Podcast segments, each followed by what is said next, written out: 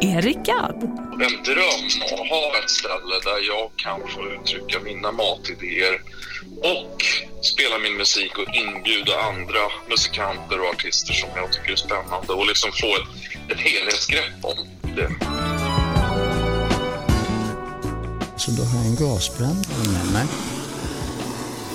Det är bara du Erik som sitter med en gasbrännare i poddstudion. Ja, eller hur? Det måste man ha.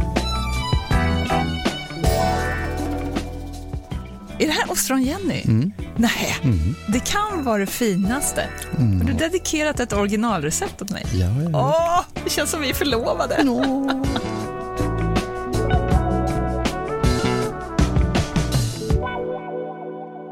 Är du avslappnad? Ja, Har du mycket i huvudet? mm, jag har väldigt mycket i huvudet. Berätta, vad har du i huvudet Erik Videgård?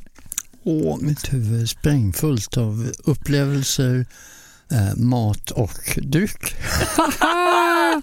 Bara en sån Det är sak. därför vi är här. Ja, det är ju det. Men är så- inte det härligt då? Eller blir det för mycket? Nej, men förra veckan var, den var lite mycket, får jag säga. Det var reklamfilminspelningar, det var matlagningar, jag hade matlagningskurs, jag hade menypresentation för en restaurang som jag håller på med.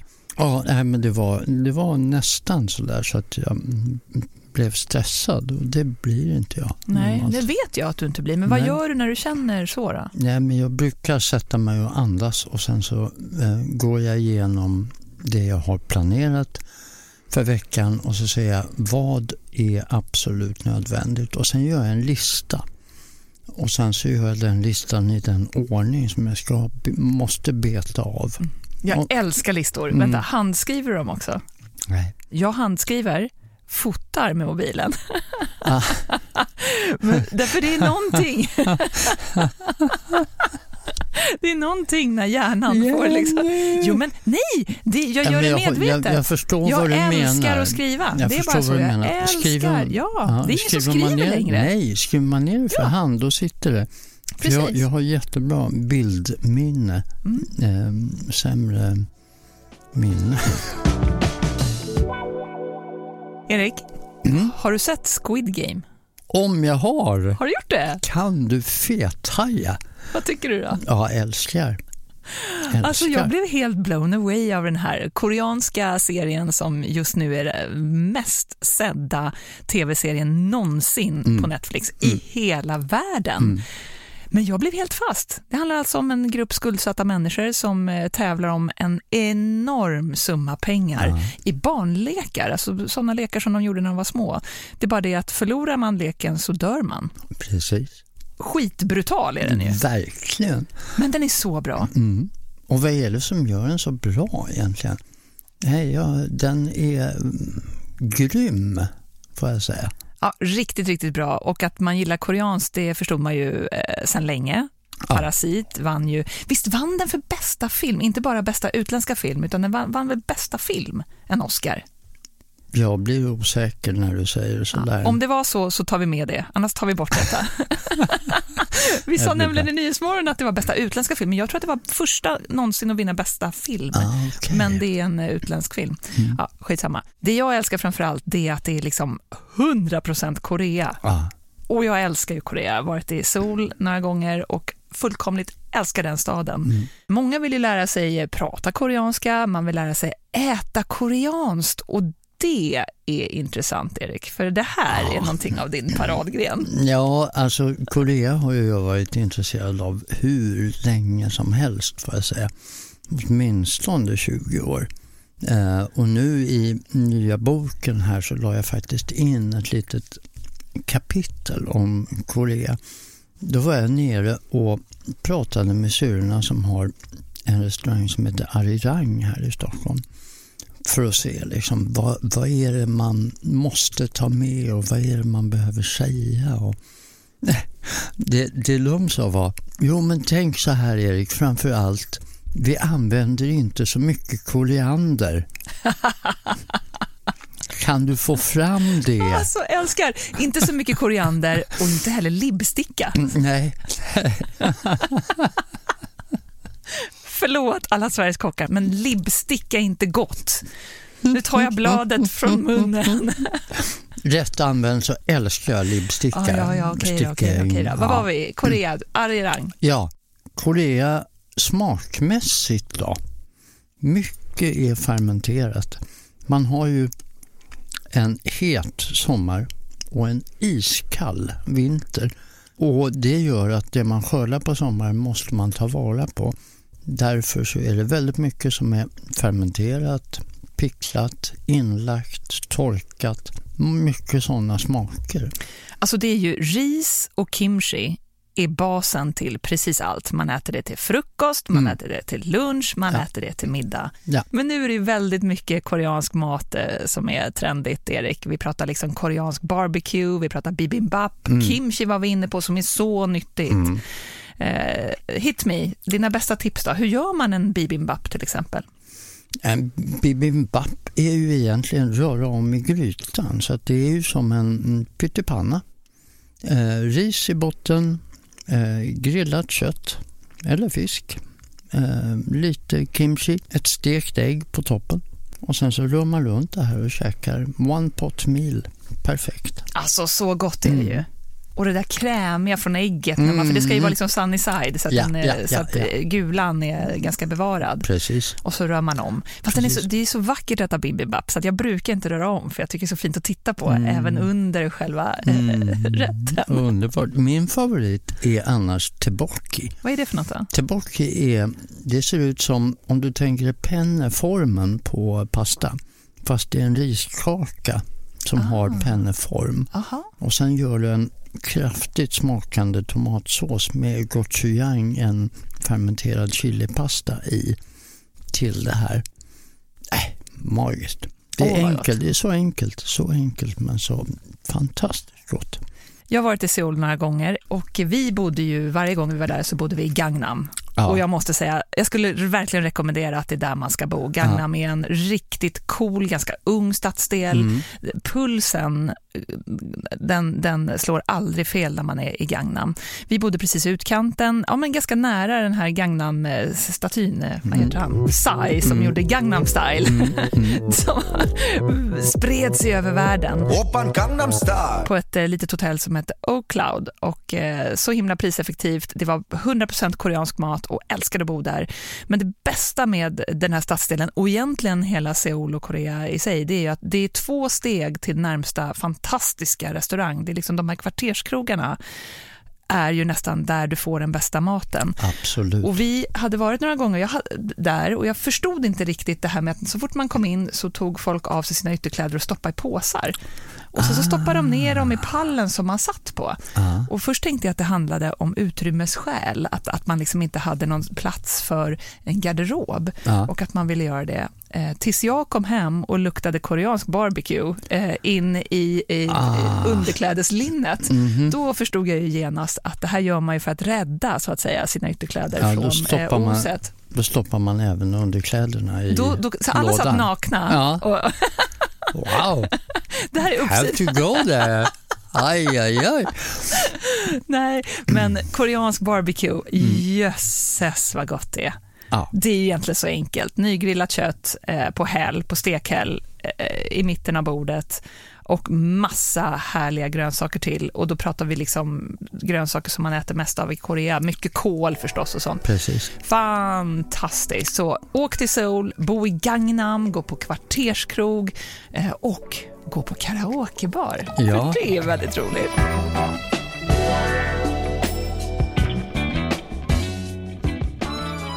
”45 minuter AV är sponsrade av The Wine Agency.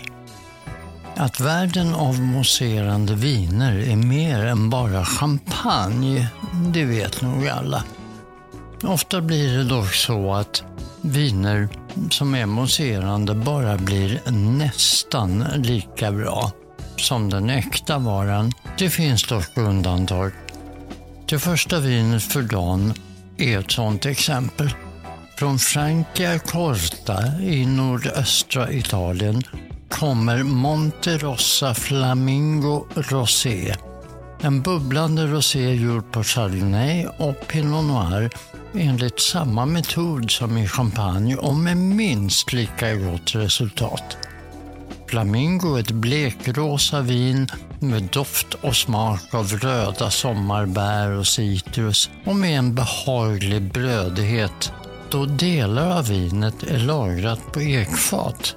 Perfekt som aperitif eller till fisk och skaldjur.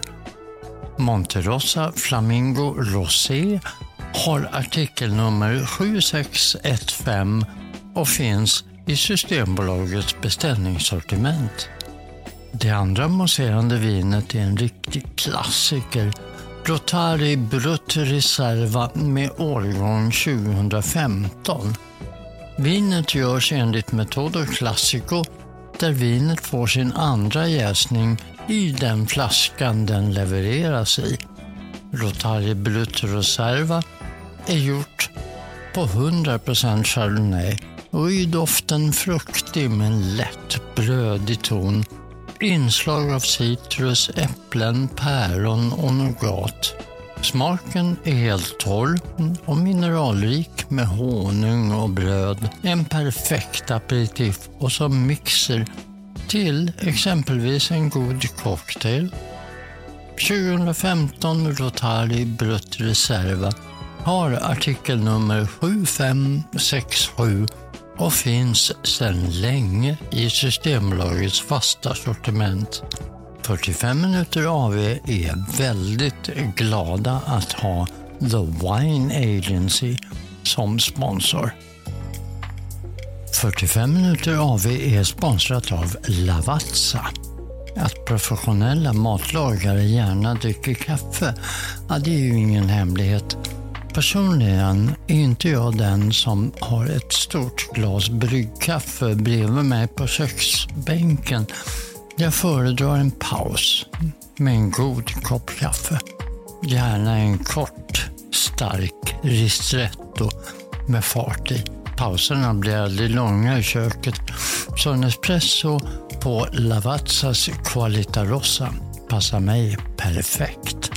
Den har den där lilla extra skjutsen av robusta bönan som jag verkligen gillar. Kaffe i maten då? Funkar det?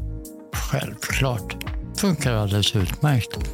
Kaffe ger till exempel choklad en extra push.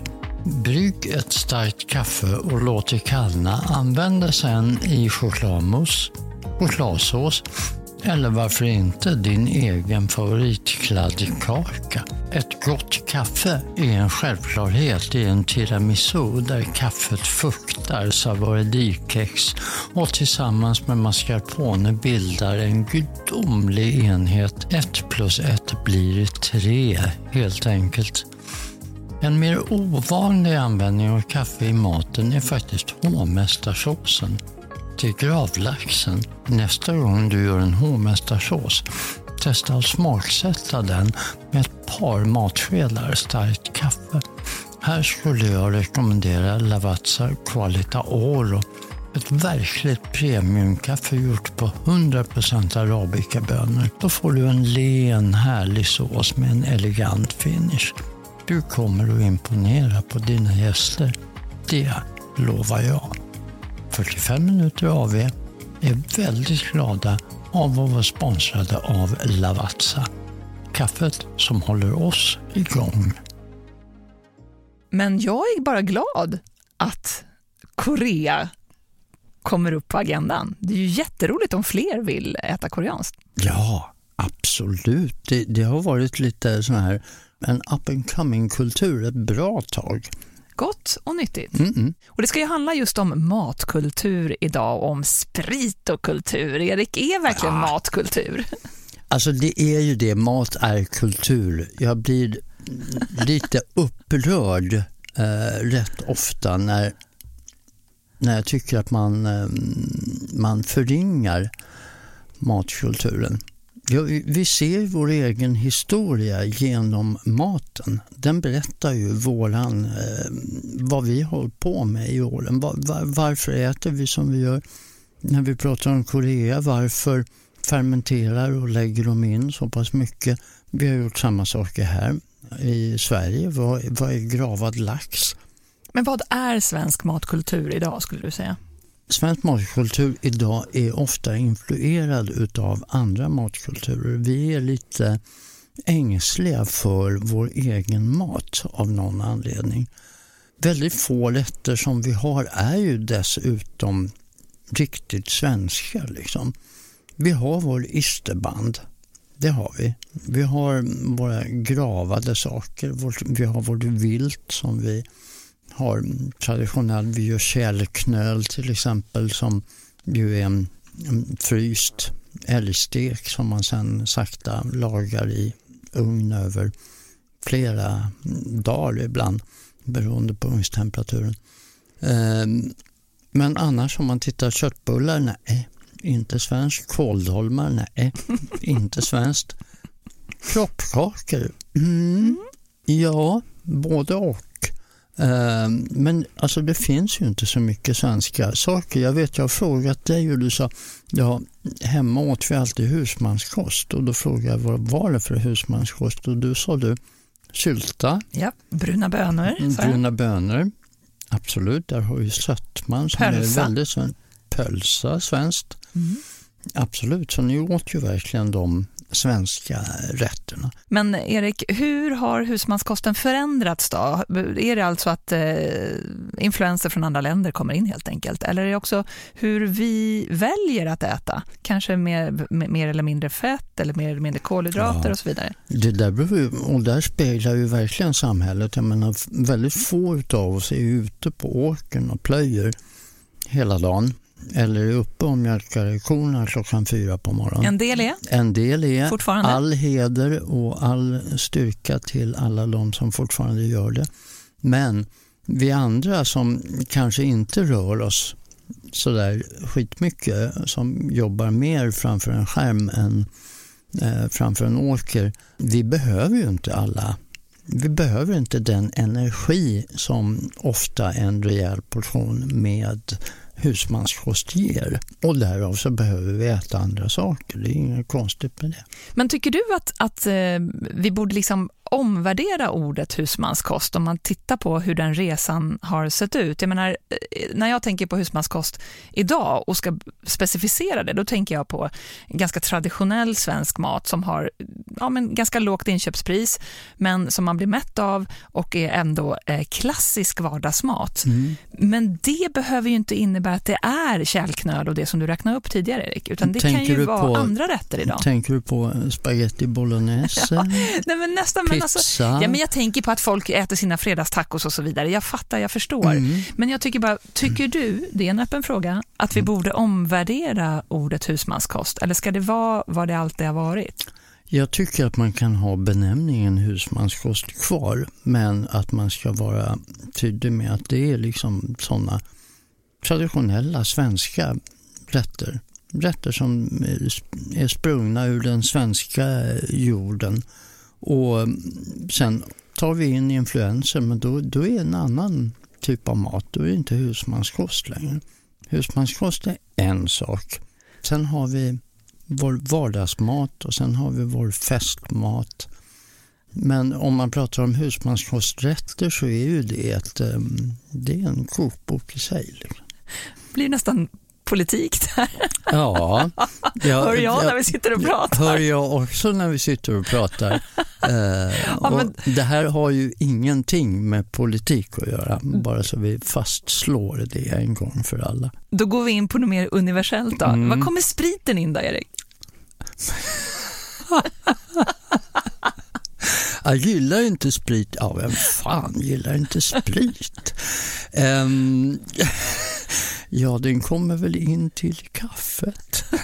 Nej, spriten är också... Mm, I Sverige så är det ju också en tradition får man ju säga, på, verkligen på gott och ont med, mm, med betoning på ont tyvärr, ofta. Men mm, som kulturbärare är den ju magisk. Det är ju spritländerna som finns runt om i världen. Det är ju Sverige och det är Finland och det är Ryssland. Det är mm, Kuba. Ehm, det är liksom flera och flera andra länder där man överhuvudtaget knappt dricker sprit vara så, Erik, att vi frågar den som numera är den regerande vippmästaren i köket vad han tycker om det här med mat och kultur? Ja, ja då gör vi det. Då ringer vi Erik Gadd.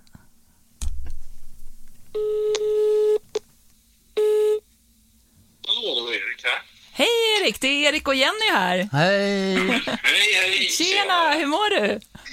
Bra, toppen. Det är festligt idag. Ja, men det förstår jag. Stort grattis! Regerande mästare i eh, VIP-köket är du ju nu. Ja, tackar. Det där sa ju jag redan från början, eller hur? Ja, du gjorde ju det. Mm. Men då kunde jag inte säga någonting. men du Erik, eh, beskriv resan då. Eh, var du lika säker som Erik Videgård på att du skulle vinna? Nej, inte alls. Alltså, jag hade ju ganska bra konfidens när jag liksom tackade ja till det. Eh, för att jag vet att jag kan laga bra mat och sådär. Men sen slog det mig när jag kom där att det är en tävling och det är en klocka. Och då blev det jättestressigt för mig. Det var, det var jag inte van med. Var det just tidsperspektivet där som var det svåraste, tycker du? Ja, egentligen är det grunden till det. För att när, när jag lagar mat då är det en så lustfylld grej så jag tar ju lång tid på mig, tre timmar eller sådär, när jag ska laga mat. Eh, men det där är någonting som man får lära sig i proffssammanhang och det har inte jag varit i. Eh, om man ska ta en riktig kock ska jag klara av att leverera saker på tid. Så det finns ju en rimlighet i det. Men, men för mig blev det lite av en chock. Du, jag vet att du känner Videgård väl. Har han varit lite av en inspiration ja. för dig? Ja, det vill jag verkligen säga. Det är ju, Erik, du är ju en förebild för mig. Alltså. du är snäll. Är ju, ja, snäll jag, men jag är också ärlig. Att, ja. Du Erik, vi måste fråga dig. Vi sitter här och pratar om mat och kultur. Tycker du att mat är kultur? Absolut, hundra procent.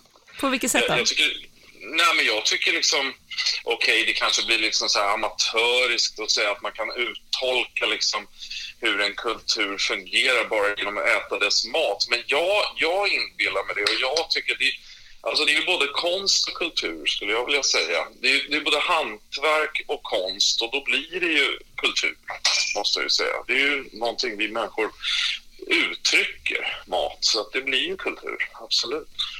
Om du får regissera då, Erik, till en av dina mest omtyckta låtar, vad äter du då? Mm. Ja, ja, om du tänker på min musik, den lyssnar jag ju aldrig på. Men, uh, Nej, men väldigt många andra gör det. ja, okej. Okay. Kanske vad jag tycker att de ska... Ja, men jag, ty alltså, jag tycker på något sätt att min mat kan gifta sig med den liksom ändå liksom fantasirika mat som, som Erik är en förebild för mig här också. Att det finns så många kulturer i världen och så många spännande matkulturer. Så jag, jag, tycker nog att det passar bra till någonting liksom inte klassiskt franskt utan någonting kanske djupt mexikanskt eller något peruanskt eller ja, du vet, något sånt. Vad lagar du nu hemma? Uh, just nu är det väl Ja, jag, ju, jag, jag blev ju så förtjust i Nicke i Kitchen så jag fortsätter med det lite grann. Du, du, vi pratar också lite om det här med sprit och kultur, eh, att kanske dra en liten grappa efter maten och sådär. Är det någonting som man gör mm. hemma i hushållet hos dig? Uh, absolut, det är verkligen. Jag tycker mycket om det. Uh, uh, så man får ju akta sig lite ibland. Det får inte bli för mycket. Men jag älskar såna här jättesmå glas, ni vet, så man bara får ge en etta eller en tvåa i. Oj, det är en knappnål alltså? Det där. Ja, precis. Men det är jäkligt schysst och, och då, för då, då går det inte så fort heller. Ja, vad härligt. Ja, och Erik, visst är det så man dricker ofta kinesisk eh, sprit? Baijiu, ja. Absolut. Mm. Mm. Man får ta många istället om man vill ha mer helt enkelt. Exakt, om Men... man verkligen vill så får man ta många. Du Erik, vad ska du göra med den här vinsten nu då? Kommer, du liksom, eh, kom, kommer vi andra kunna få äta din mat också? Alltså jag hoppas hoppas det på något sätt. Jag, jag, vad jag vill försöka är förena... Jag vill, jag vill liksom inte hoppa från det ena eller det andra. Jag skulle vilja försöka integrera mat och musik. Och, och det är ju ingen Columbus-grej. Det är ju många som har gjort det. Jag menar, jag tänker på alla krogar. De, de liksom kurerar sina playlists och alltihopa. Men jag skulle vilja ta ett ännu djupare grepp. Liksom. Och för mig skulle det innebära att en dröm att ha ett ställe där jag kan få uttrycka mina matidéer och spela min musik och inbjuda andra musikanter och artister som jag tycker är spännande och liksom få ett ett helhetsgrepp om det. Jag är med. Jag är med, Erik. Ja, underbart. Bra att höra. Och jag är med och äter. Fint. Underbart, Erik. Tusen tack för att vi fick eh, prata med dig och gratulera till vinsten. Ja, men tack själva. Ha det bra nu. Ja, detsamma. Hej då. Hej. Hej, hej. Ah, va? Erik Gadd. Vilken fullträff. Oj, oj, oj. Nej, men oj, alltså, det är ju helt otroligt, Erik, när, när Erik här pratar om just det här med mat och kultur och han eh, förklarar sin passion till matlagningen och också med tanke på den han är och det han har bidragit till liksom, det svenska eh, musiksjälen. Man är uppvuxen med hans musik. Det blir ju det vi har talat om, förenat Ja. i precis dess mest rena syfte.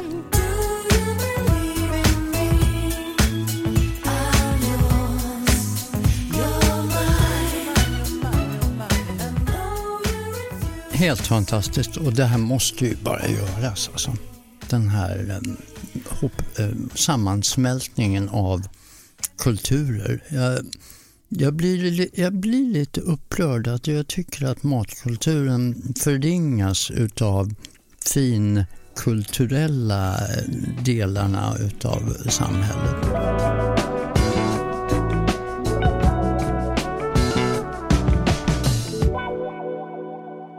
Vi ska återvända nu till Italien och till Piemonte där vi besökte det fantastiska destilleriet Marolo som ligger i utkanten av Alba, mitt mellan Barolo och Barbaresco, två fantastiska regioner i Piemonte. Och det här destilleriet det grundades 1977 av Paolo Marolo. Paolo han vill göra en ny sorts grappa som går tillbaka till rötterna och riktigt tar tillvara de här fantastiska druvorna från den här regionen som är så unika för Piemonte. Och därför så använder Marolo en eh, metod som kallas för hantverksmetoden, det vill säga att druvskalen alltså blandas med vatten i pannan och upphettas indirekt för maximalt skonsam behandling just av druvorna. Och vi kom dit en förmiddag och fick träffa Lorenzo Marolo. Han är son till Paolo, enormt snygg måste jag tillägga, som efter att ha studerat enologi anslöt till familjeföretaget och började arbeta med allt han lärt sig sedan barnsben. Och idag så är det Lorenzo som jobbar med att föra Marolo in i framtiden. So with the grappa, when we're talking about the clear grappa, forget a little bit uh, how to taste the wine. So small drop and swallow it immediately. So you don't have to, to spit, okay? But very you don't have and and you don't have to drink neither.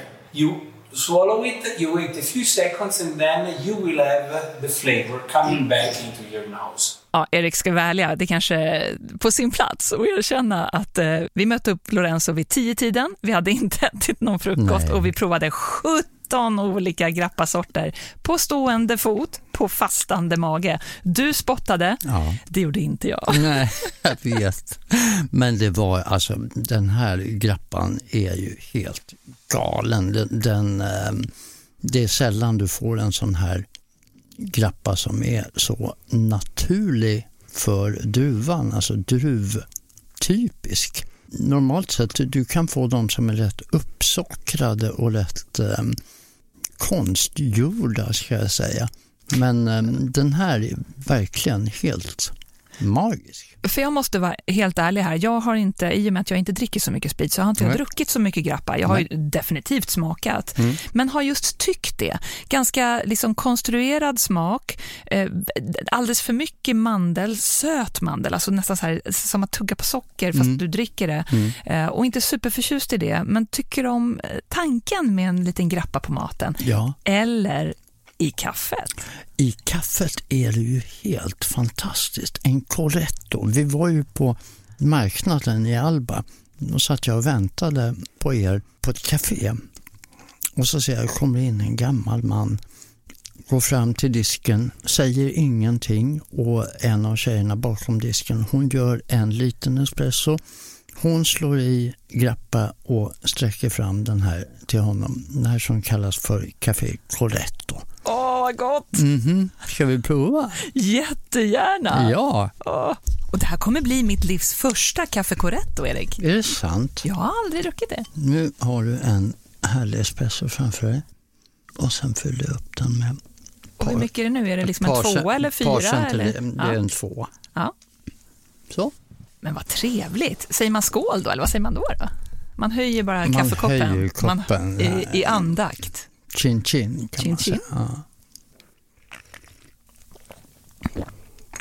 Äh, men åh vad gott. Ah. Oj vad det värmer. Sekunden det kommer in i munnen Mm. och hela ljuvliga vägen ner i halsen och ner i magen. Ah. Det här tar ju liksom eh, kaffedrickandet till en högre nivå. Ja, verkligen. Åh, vad gott det här var. Men vad då? hur ofta dricker de kaffe corretto i Italien då? Varje frukost. Nej. Nej.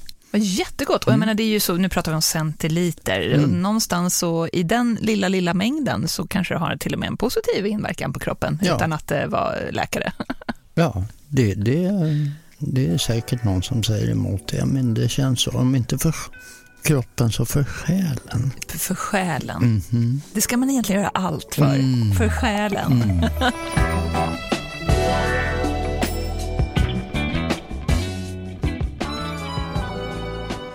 45 minuter AV har en liten överraskning bara för dig. Vid vårt besök hos grappaproducenten Marolo berättade vi att vi gärna skulle vilja att hela Sverige skulle få chansen att prova hans grappa. Och den 27 oktober är det dags. Marolo erbjuder exklusivt till 45 minuter AVs lyssnare en Grappa di Barolo Doppio Fusto. Det finns bara 36 flaskor och du beställer den på Systembolaget med det hemliga artikelnumret 54058. Priset är 448 kronor för 50 centiliter och det är den väl värd. Det finns alltså bara 36 flaskor och du kan beställa den på ditt lokala systembolag från den 27 oktober. Tack Malolo Grappa för detta trevliga initiativ.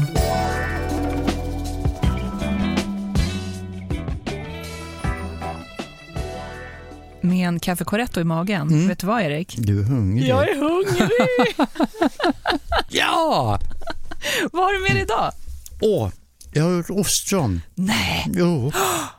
va? Ost, ostron-Jenny kallar jag honom för. Jo. Är det sant? Ska du håla fram ostron nu alltså? Nu kommer det ostron och jag ska bygga de här. Alltså det här måste jag nästan filma. Erik tar fram en jättevacker trälåda med en, två, tre, fyra, fem ostron. Ja. Och det, är det något grönt på toppen? Vad har du, vad har du gjort Jo, där?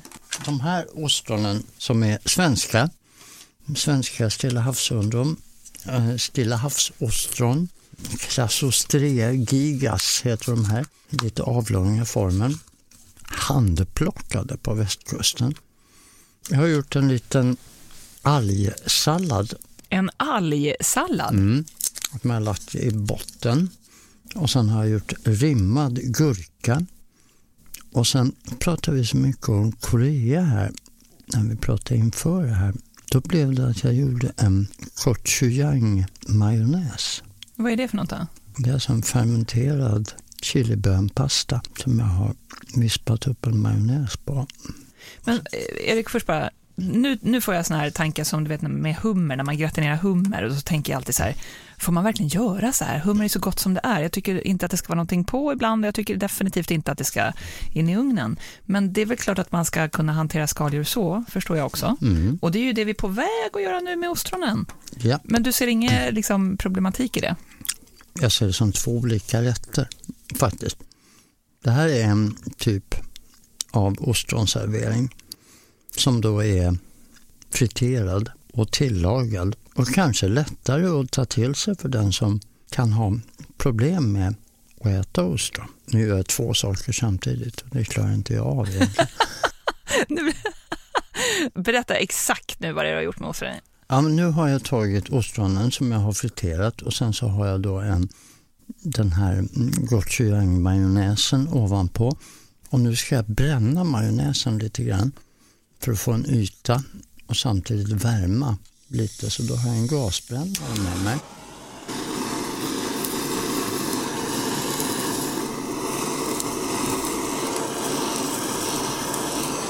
Så att det får lite färg bara, lite sotat. Mm.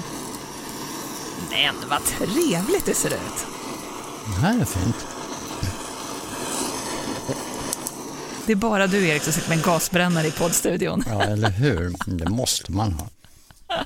Helt livsfarligt, men underbar är Anna Videgård. Sen har jag en liten burk till här. Vad är det den då? Här är det ugnstorkat kycklingskinn blandat med friterad persilja och friterad dragon. Oj, det låter gott. Ingen lipsticka? No lipsticka allowed. Dofterna när du brände av ostronen. Mm. En liten föraning för vad som ska komma. Så nu. Men vad trevligt. Här har vi då gratinerade ostron. Jenny heter de. Och då är det en sjögrässallad, rimmad gurka, friterat ostron, gochujangmajonnäs toppade med ugnstorkat eh, kycklingskinn, dragon, persilja. Titta vad bra jag har det. Mm. En liten enkel lunch här. Ja, det ser fantastiskt ut. Måste jag smaka. Hur äter jag det här då, Erik? Då har du en gaffel Ja. och sen tycker jag, de här tar du inte i en munsbit för att um, de var så stora och matiga de här fina sve- Så- svenska ostronen. Så då får jag tugga av det liksom? Mm. Okej, jag förstår. Då ska jag göra det. Och så tar jag fram Italiens champagne. Oh, då vet jag vad vi är vid Franciacorta. Det här nu görs på samma sätt som ehm, man säger, riktig champagne. Det enda som skiljer är egentligen ehm, området. Och det här är då öster om Milano ligger Franciacorta. Men det här är ju spännande, Erik, med Franciacorta, för att det är ju, jag menar, champagne får bara kallas för om det kommer från regionen champagne helt enkelt. Och Ja. precis likadant är det med Franciacorta. Ja, Det är alltså Italiens champagne. Det får bara kallas Franciacorta om det kommer just från den regionen. ja, och det här är ett av världens absolut bästa mousserande viner. Ehm, tyvärr finns det inte så många på Systembolaget. Vi ska gott om spumante, inte så gott om Franciacorta. Men det har väl också att göra med att det är en ganska liten region. Det finns inte jättemånga druvor helt Nej. enkelt. Produktionen är inte superstor. Nej, Men det är spännande för att eh, prismässigt så, vad kan en sån här ligga på? Kanske strax under 300 kronor. ja, 230 tror jag den här Ja. Men så kanske en hundralapp mindre än en helt okej champagne, om vi säger så. verkligen. Men hur ska man tänka då, då? Ska du dricka en, det bästa Italien har att erbjuda av mousserande? Eller ska du dricka liksom en champagne i den lägre prisklassen? Alltså jag säger så här, smaka och säg vad du tycker. Vad Ska, här- ska jag börja med ostronen eller ska jag börja med... eh, Ta, ta, sippa um, Franciacortan där först. Du gör det. Den här är gjord på 70 procent um, Chardonnay, 30 procent Pinot Noir. Äh, men den var ju jättegod. Jag känner Ja. pinoten. Ja. Den kommer alltså från den rosa färgen man gör enligt en metod som heter Sagnan, alltså att man låter Pinot Noiren blöda ut i eh, vinet. Mm, fyllig, eh, frisk ändå. Eh, Mm. Perfekt med, eh, med eh, Det är, bara, mousserande. ja, det är bara 7 gram socker i den så den är ju relativt torr. Alltså. Undrar om den är lagrad på ekfat också? Det känner är, liksom ett djup. det är den. Det är den? ja. Wow, Men Det ska du jättegott. känna i doften också att du har lite rostade Ja, toner. det, gör man, det är lite brioche där. Ja, Mm, nu måste jag smaka ostronen. Bara kom ligger igen. här och Ja, lockar. Kör på. Ja, åh vad spännande. Men du Erik, det här är ju så trevligt sätt att servera. Bru- brukar du bjuda på, Ja, på det här? jag gör gärna gratinerade ostron hemma. De blir ju absolut bäst om du tar dem direkt ur fritösen. Mm. Ja men gud vad gott. Förstår du vad jag menar när jag säger mm, att det är en, en maträtt i sig själv och helt annorlunda än vanliga ostron? Mm. Men jösses vad gott. Och Mm. sältan. Först känner jag ostronsmak fast den är friterad, jättegott. Mm. Så den blir liksom just det här smaken från friterat, vilket är väldigt gott. Sen kommer ju havssmaken. Mm. Då känner du att det är verkligen ostron du äter. Och sen kommer ju algerna och det du har gjort med sjögräset här Ja. och så himla gott. Och majonnäsen kickar in Mm. med dess hetta. Ja. Äh, det här var så gott! Det, det, är liksom, det är som ett litet Kinderägg, det är alltid ett här. Ja, det är det verkligen. Det är verkligen massor med, med smaker som mm. harmonierar med varandra. Och sen när det serveras ur ett ostronskal, som kanske är det vackraste sättet att servera ja, mat ur. Det är fantastiskt. Hur många får man äta? Så många du orkar.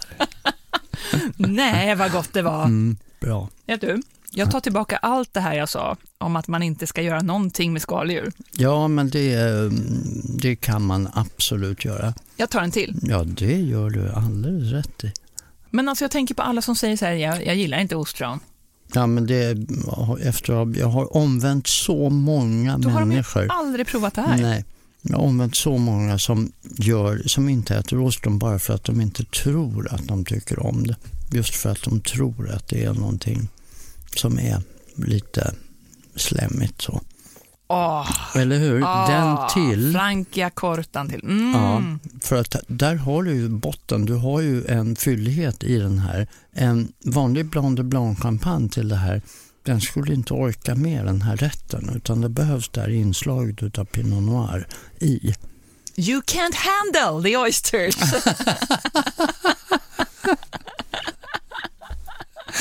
ah, underbar. It needs to be Italian. ja, verkligen. Jättegott var det. Bra. Har du gjort det här förr? ja. Men ostronen är ett originalrecept bara för dig. Är det så? Mm. Är det här ostron-Jenny? Mm. Nej. Mm. Mm. Erik, mm. det kan vara det finaste mm. du har gjort mot mig. Mm. Har du dedikerat ett originalrecept åt mig? Ja, ja. Åh, Va? Det känns som vi är förlovade. Ja.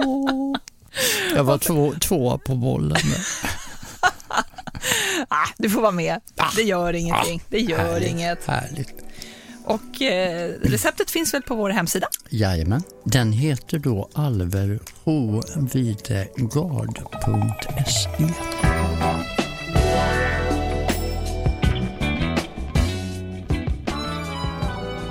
”45 minuter AV är sponsrade av STS Alpresor.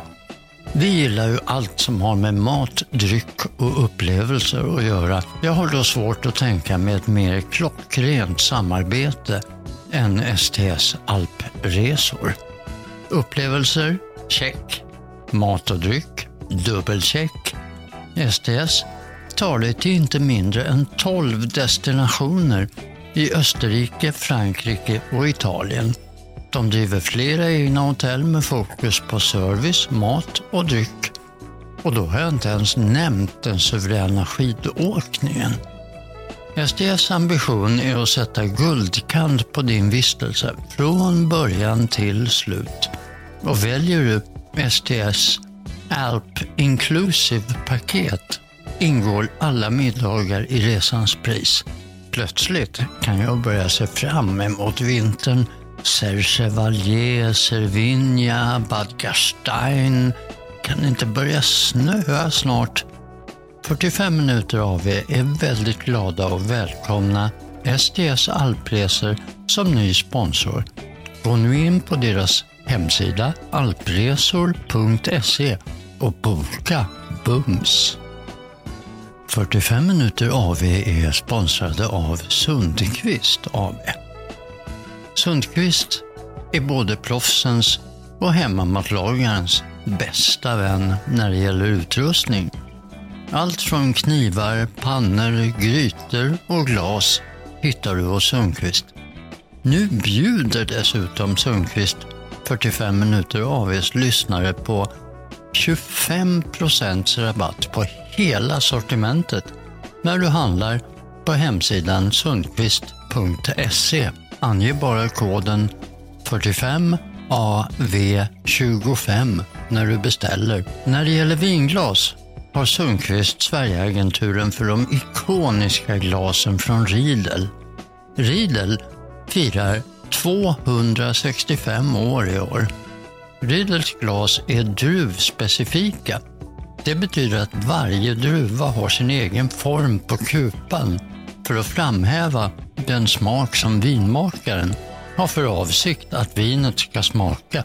Från vinmakare till vinsmakare helt enkelt. Ett bra vinglas har en kupa som lockar fram druvans bästa egenskaper och skapar harmoni mellan utseende, doft och smak. Riedel har arbetat med att ta fram druvspecifika glas i över 50 års tid och är idag den helt marknadsledande inom området.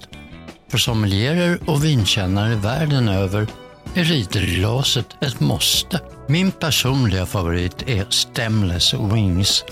Ett vinglas utan fot som gör vindrickandet mindre pretentiöst och låter dig bokstavligt talat komma närmare vinet. Stemless Wings finns för Cabernet Sauvignon, Pinot Noir, Nebbiolo, Riesling och Champagne. Fast ska jag vara helt ärlig testade jag med en Sangiovese. Det gick alldeles utmärkt i ett Cabernet Sauvignon-glas. 45 minuter av er tackar för fantastiska vinupplevelser i Riedels glas från Sundqvist. Vi har kommit fram till uh, i köket, Erik. Ja, vad gör vi i köket Mycket uppskattad del av programmet och idag ska det handla om glas. Hur ska jag tänka med glas i mitt kök? Alltså jag gillar ju aldrig glas. Det finns två vägar att gå. Antingen så åker du på loppis och så köper du alla möjliga olika glas du någonsin kan tänka dig. Olika färger, former, på fot, utan fot, allt möjligt. Och så blandar du. Det är väldigt, väldigt snyggt alltså. Om man dukar upp med bara helt olika glas överallt. Så. Personligen så kör jag så mycket som möjligt med ett, ett glas till allt egentligen. Eh, och det är ett sånt här eh, bodega-glas brukar det kallas för med raka kanter. Okay. Ja. Och det kör jag till vatten, till öl, till saft, till vin, till läsk, till allt. Du är en fin man, Erik. Men jag är lite så här, de här finns att få tag på, jag vet, då kan jag ha mm. 36 stycken hemma och lyckas jag av någon anledning krossa 12, då finns det 12 nya att få tag på som är exakt likadana. Om du blir 12 tallrikars arg, då kanske du blir 12 glas arg? Det kan mycket väl hända. Eh, inte så ofta, men det händer. Men vinet då? Ja, då är det en annan femma. Ja, för där, där har ju jag min lilla hänga på den är ju att jag inte vill ha vinglas på fot. Alls? Överhuvudtaget menar du? Överhuvudtaget. Alltså nu pratar vi nyårsafton? Ja, samma sak. Nej. Mm. Du har valt bort foten för evigt? Ja. Nej men Erik mm. Videgård. Mm. Och jag vet att du gjorde det för länge sedan. Ja, här... Långt innan det här blev trendigt. Ja, ja, ja, det här var någonting jag började med 2003 tror jag. Men, men då måste jag fråga, är det liksom är det en social anledning eller är det att du verkligen vill komma närmare vinet? Tycker du liksom att det blir too much med, med foten? Blir det för, för stift? Ja, det blir för stift eh, för mig. Det blir för pretentiöst. Jag vill ta bort det pretentiösa med eh, vindrickande överhuvudtaget. För mig så är det 100% att jag vill komma närmre vinet. Mm. Då vet jag att det är många som flikar in att ja, men det behövs foten för då annars så värmer du vinet.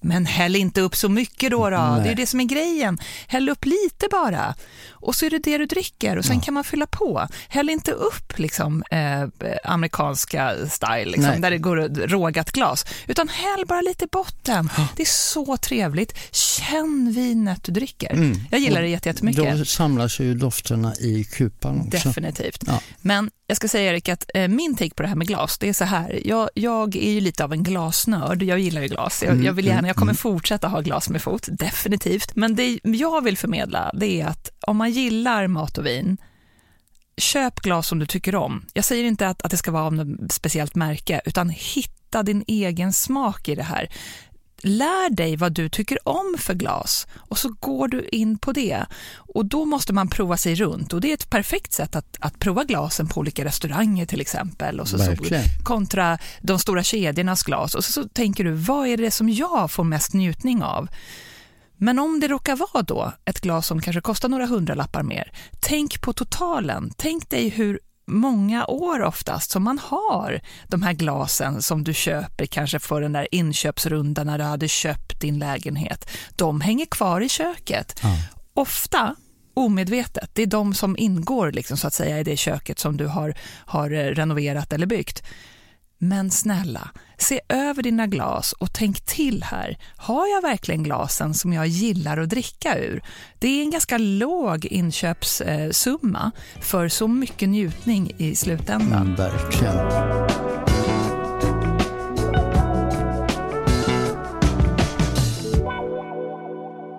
Vi har kommit fram till veckans frågor. Ja, kör. Är du beredd, Erik Videgård? Alltid redo. Alltså, vi har fått så mycket fina ord från er lyssnare. Stort tack för det. Verkligen. Vi läser allt och vi blir så glada. Och vet du vad, Erik? Vi har faktiskt lyssnare även utomlands. Nej. Joho, från Marie i Düsseldorf. Nämen. Hon skriver så här.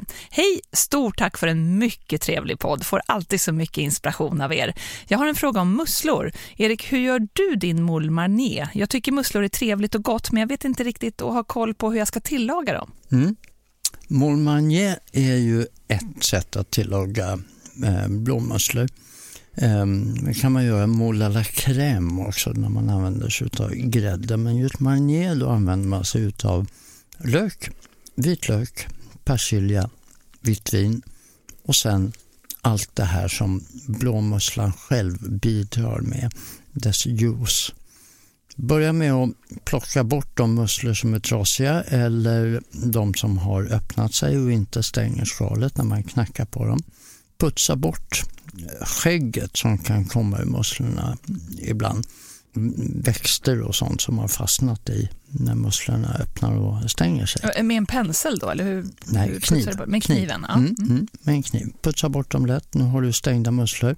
Från början så gör du så att du hettar upp en stor gryta i med lök och vitlök, fräser den i lite olja och när löken börjar bli genomskinlig precis, på med vin, vitt vin, i med musslorna, på med ett lock och eh, låt det här koka. Du kan skaka till eh, den grytan lite grann ibland. Men ska det vara vätska som precis täcker musslorna, Nej, som med det potatis? behöver inte alls vara så mycket. Inte alls. Säg att du är upp ett par centimeter i grytans botten bara. Det Du behöver räcker? inte täcka musslorna alls utan det sköter ångan om. Då kommer musslorna att öppna sig och släppa ut sina juicer ner i den här underbara buljongen som då bildas under. Och när musslorna då är klara kan ta, beroende på mm, effekt på spis och så vidare, mellan 5 och 10 minuter kanske. Då har de öppnat sig. Då tar du en näve finhackad bladpersilja, i med den, drar runt, smakar av buljongen där nere så du känner att du har sältan i, annars får du salta lite. Klart! Åh, det är så, Så gott. enkelt. Så enkelt, billigt. Mm. Oh, hoppas Maria att du gör moule marnier. Ja, Ah. verkligen, verkligen. Från William Lundberg. Hej Erik och Jenny. Jag säger för mycket Videgård säger här hemma. Frun börjar tycka att jag är för petig. Men kalvläggen från köket var bra och imorgon bjuder vi svärmor på ribolita. Vad härligt att höra. Underbart! Bönorna ligger i blöt. Blir det bättre om jag rostar hela svartpepparkorn och sen fyller på pepparkvarnen med dem, undrar William. Ja, det är lite överkurs alltså. Ehm, Jag vet jag säger man ska rosta eh, hela kryddor.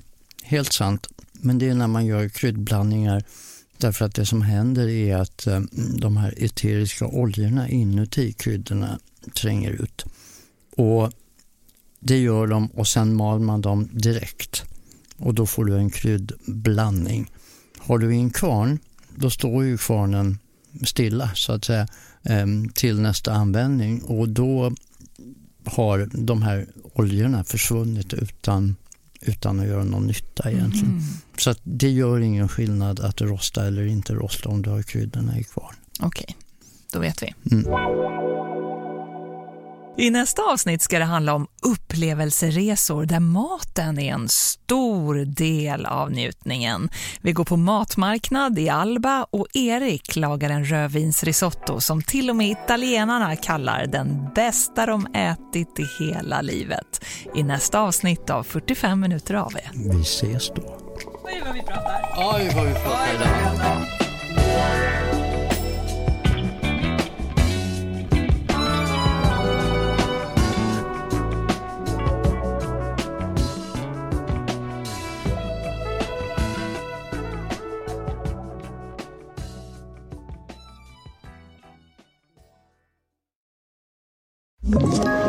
Ett poddtips från Podplay.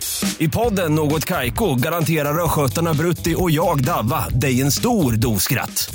Där följer jag pladask för köttätandet igen. Man är lite som en jävla vampyr. Man har fått lite blodsmak och då måste man ha mer.